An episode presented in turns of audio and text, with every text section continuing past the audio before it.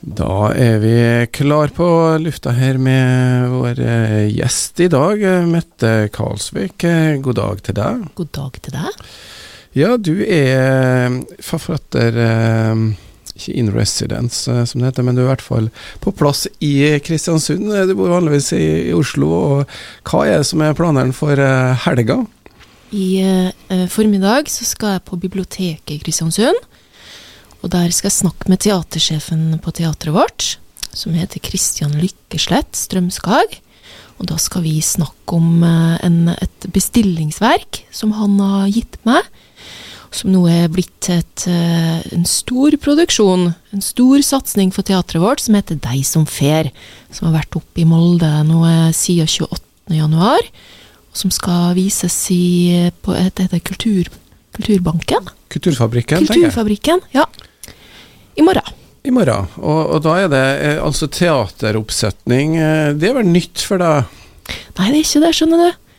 Det er faktisk sånn at jeg debuterte Jeg har gått en dramatikerutdannelse, faktisk, i 2010-2011 på Norsk barnebokinstitutt. Og da ble det fanga opp av en som heter Jon Fosse, og så fikk jeg lov til å være sånn øh, Han var mentoren min et halvår etterpå. Og det resulterte i første stykket mitt, som hadde urpremiere i 2011 på Dramatikkens hus. Og så Nå bare snakker jeg litt om det der, for jeg oppfatter at det er mange som tror jeg er debutant, men jeg er ikke det, skjønner du. Men jeg jobber sånn i det frie feltet, da, som det heter, ikke institusjonsteatrene. Og det er når man kommer inn på institusjonsteatrene, sånn som teatret vårt, da, og Nationaltheatret og sånn, at den, eh, blir, at den får mest oppmerksomhet, da. Men jeg jobba mye med en eh, litt sånn eh, underdog-regissør som heter Jon Tombre. Vi har et sånt prosjekt. Vi jobber mye i Ålesund, f.eks. Så, mm. Det er noe med å komme på, inn på de institusjonene, som du sier, da. Det vel eh, klapp på skuldra i seg sjøl, det, da. Men de som fer, hva er det handler om, da? Det handler om um, Fosna-folket, og um, om uh, folket i Møre og Romsdal opp gjennom årene etter det.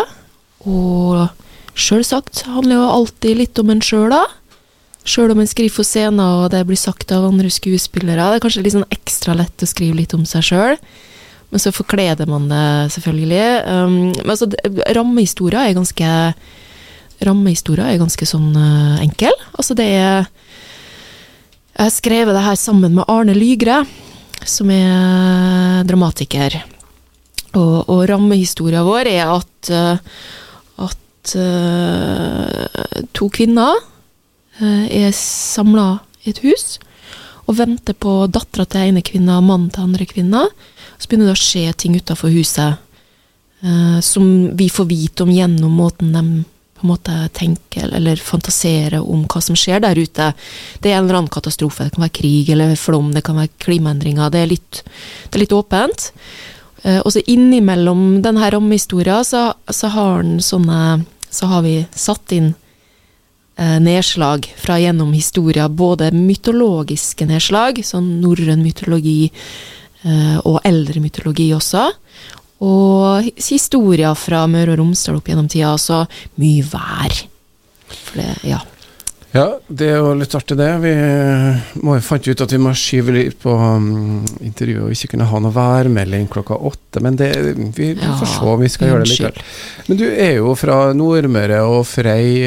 Og hvordan bruker du det i, i skrivinga di? Nei, nå ta været, da. Vær og vann. Det var nå ikke så veldig mange lekeplasser eller fritidsklubber i Kvalvåg. Så det var nå å gå vass i stranda og leite etter skatter og sånn. Elva og stranda, så jeg bruker nå Det var jo liksom det som var lekeplassen, så jeg merker jo at det er i det landskapet jeg henter mye Henter mange av rammene mine. Så um, må en prøve å prøve å få inn noen folk, da. Og da eh, var jo det også veldig sånn takknemlig oppgave. Altså det var jo litt bestilling, ikke sant, som jeg sa, fra han teatersjefen her. Han, ville, han sa rett ut at han gjerne ville ha en sånn mytologi over Møre og Romsdal. For det fantes ikke, da. Så, så da må, måtte jo også folkene inn, og da hadde jeg veldig mye kjekt å huske, da, fra gamle dager. Eh, jeg har jo vært veldig mye i det huset som du og jeg sitter i nå. Kongens, eh, nei, Folkets hus. For det her var jo tidens krav eh, plassert i sin tid, så, så her var jeg nesten sånn Ei stund så var jeg her hver søndag og satt og leverte frilansstoff, da.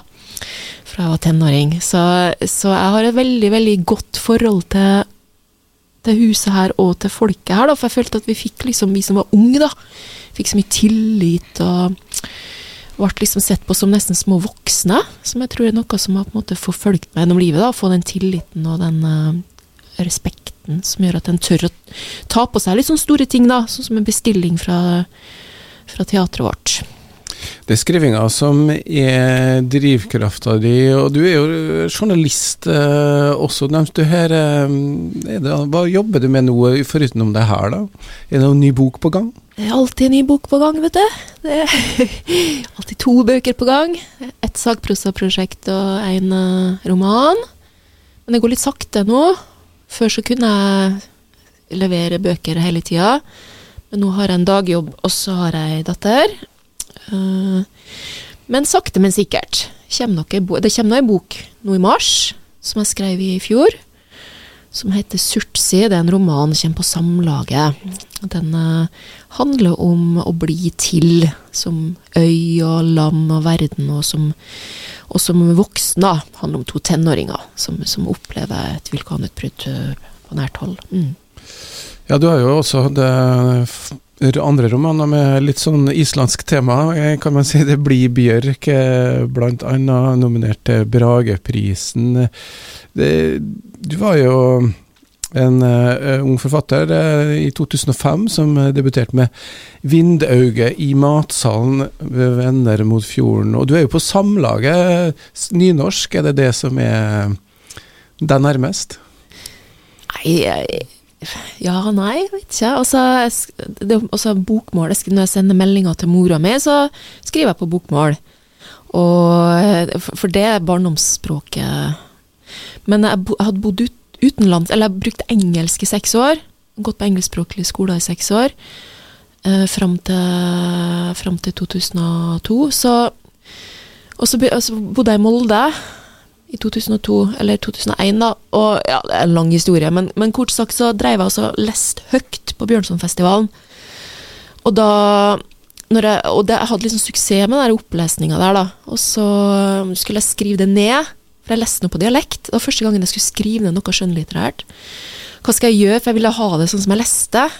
Og nynorsk er jo et veldig fleksibelt språk, hvor en kan velge vendinger som, som ligger nærmere talespråket. Og det gjorde jeg, da.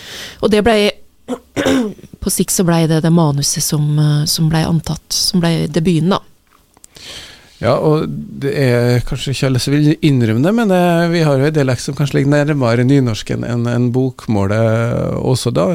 Eh, ungdommen i dag er litt um, gladere i å si jeg og ikke. Hvordan ser du på utviklinga for nynorsken og det språket, og dialektene våre? Altså, eh, ungdommer i Kristiansund, sier de jeg og ikke? I større grad. Oi, ok.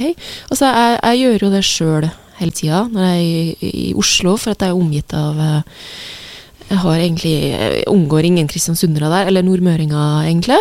Eh, så, så, jeg snakker sånn og, og liker ikke det, da. Men det blir nå sånn.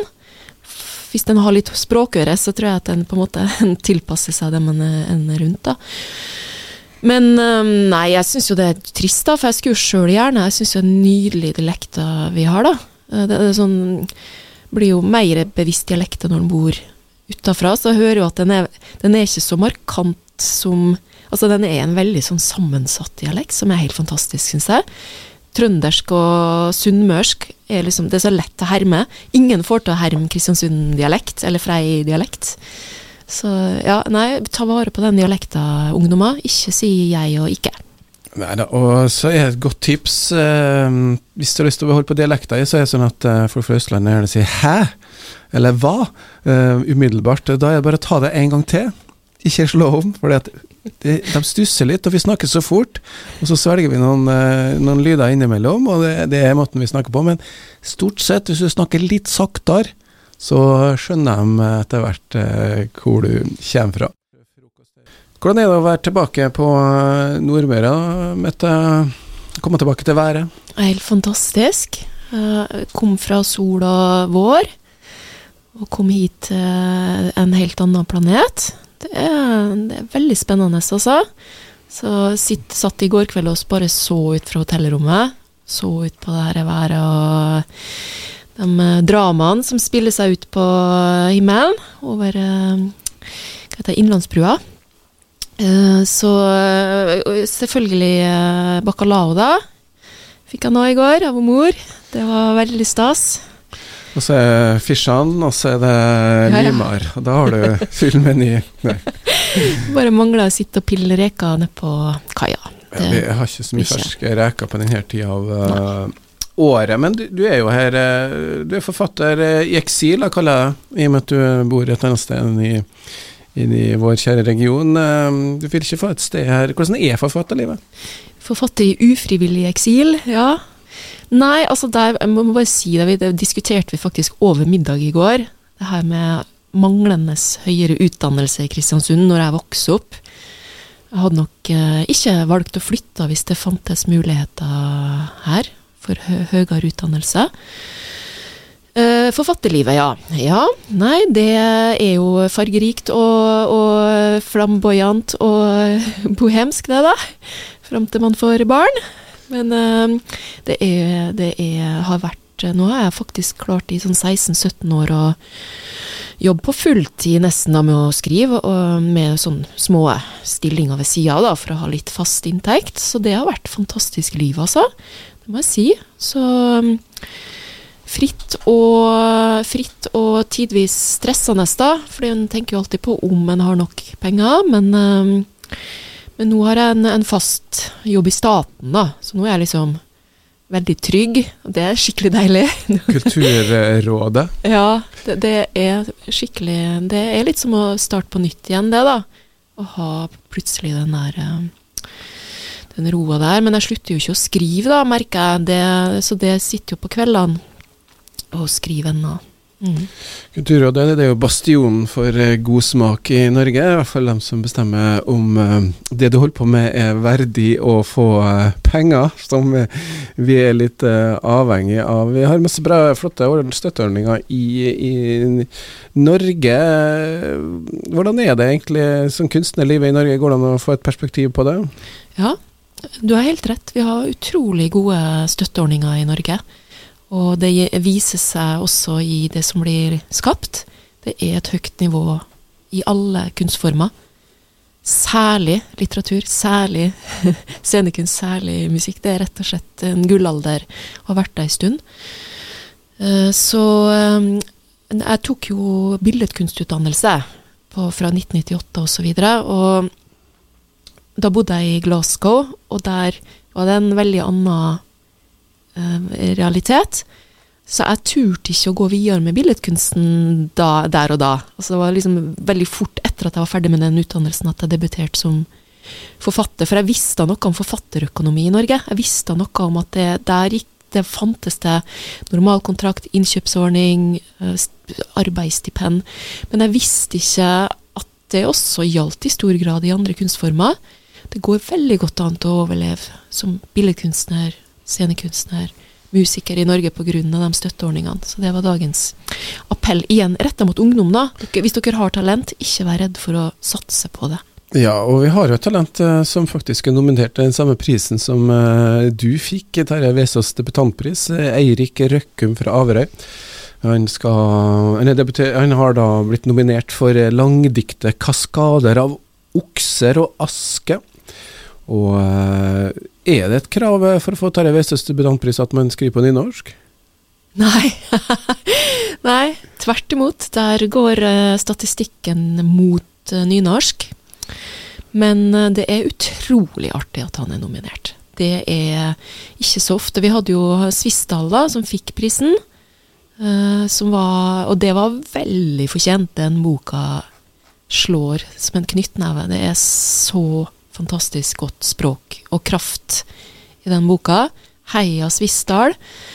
Også nå han her, så det her er veldig artig, altså. Um, det å da jeg fikk prisen, så var det ikke noe nominasjon på forhånd. Eh, da var det bare stille fram til prisen ble annonsert. Men eh, jeg syns det er veldig artig at de har lagt opp til nominasjoner, sånn at oppmerksomheten blir spredt litt på forhånd. For de, da har man på en måte flere vinnere, for den, den oppmerksomheten som da blir en, en får vite noe om de bøkene, da. Veldig bra. Mm. Hva betydde prisen for deg? Det betydde veldig mye. For jeg hadde så lav sjøltillit Eh, jeg skulle jo ikke fortsette å skrive noen bok. Jeg hadde fått en slakt i VG, da. Husker ikke helt uh, terningkast én eller noe sånt. Det var liksom første anmeldelsen, og jeg var bare sånn Ja, selvfølgelig. Jeg, liksom, ja, nei, jeg hadde veldig dårlig sjøltillit. Og var midt, uh, midt i journaliststudiet. Skulle ikke fortsette å skrive. Det var bare at den boka pressa seg litt fram, og blei antatt Altså, det var en kompis av meg, Endre Ruseth fra Molde, som på en måte ikke tvang meg, da, men han, han hjalp meg veldig til å sende inn det manus. Men jeg hadde aldri noen forfatterdrøm. Jeg skulle bli journalist, jeg trivdes med det. Men så, så kom her, eh, det brevet, da. Jeg husker så godt. Jeg bodde i Bergen da, tok journaliststudiet der. Og så hadde en leilighet, eh, en Obos, eller hva heter det? Ikke Obos, men Bergen boligbyggelag Bobos? Bobos, sikkert, ja.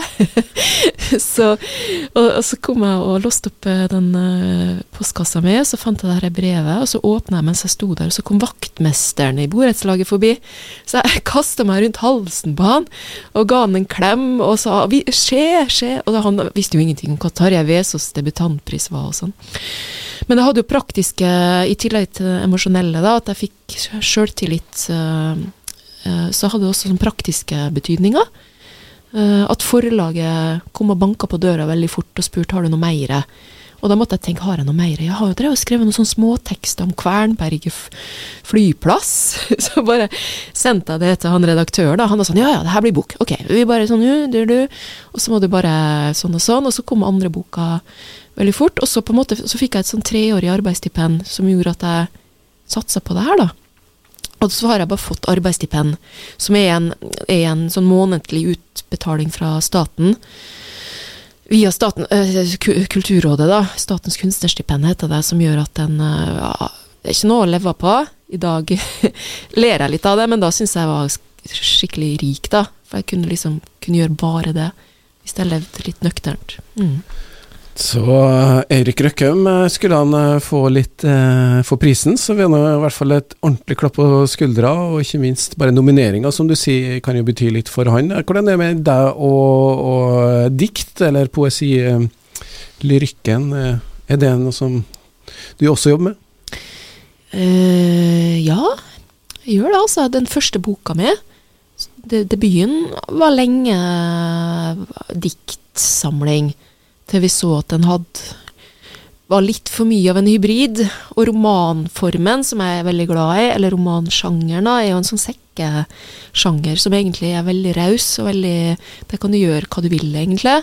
Så jeg gjør mye Jeg vil si at jeg gjør mye lyrikk eller poesi innafor romansjangeren. Jeg liker å putte alt mulig inn i den der romanen. Litt sakprosa, litt poesi, litt uh, fortelling. Uh, sakse litt fra avisa eller hva som helst. Så jeg vil si at uh, har gitt ut, gitt ut ei diktsamling som blei solgt ut som diktsamling, da. Som, altså, som det heter, blei påmeldt innkjøpsordninga for poesi. For det er det for, forlagene bryr seg om, da. Om det er liksom Ja. Ja, for da er et visst sånn lite minimumsopplag når man kan selge til alle bibliotekene i, i, i Norge, da. Så, så det blir artig å se hvordan det går med Eirik Røkkum. Eh, stykket ditt, deg som ser eh, da eh, Starter på biblioteket i dag. Hva var tidspunktet?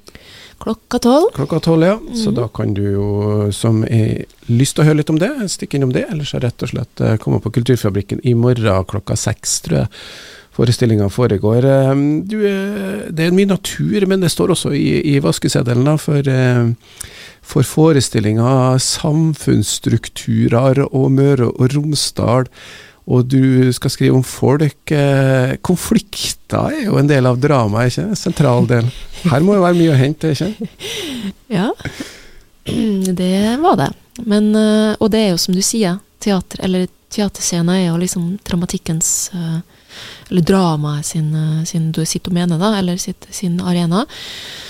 Men jeg var veldig klar fra starten av på at jeg skulle ikke gå inn i de klassiske konfliktene. Ikke noe Prøve å holde meg unna liksom fogderistrid-historiene. Vi prøvde heller å putte dramatikken i det mellommenneskelige, da. Som er den her med de to damene og det som skjer rundt dem. Prøve å heve det opp et nivå. Også litt sånn For vi har jo mange, vi overordna trusler som også angår Møre og Romsdal, selv om vi ikke merker det ennå. Ikke sant? Klimaendringer. Uh, så det var litt det som var et uh, mål, men samtidig så vil jeg være konkret og gå rett på ting som er mm, Møre og romsdalsk. Type Altså, noe av det som jeg bar med meg fra barndommen min, var både konjunkturene. Var sånn Gikk jo opp og ned. Det var sånn 'Å, sterkhoder går kjempebra. Sterkhoder må stenge uh, Permisjoner. Jeg husker det ordet permisjon. Det var liksom annenhver dag så var det sånn permisjon, eller så var det bra.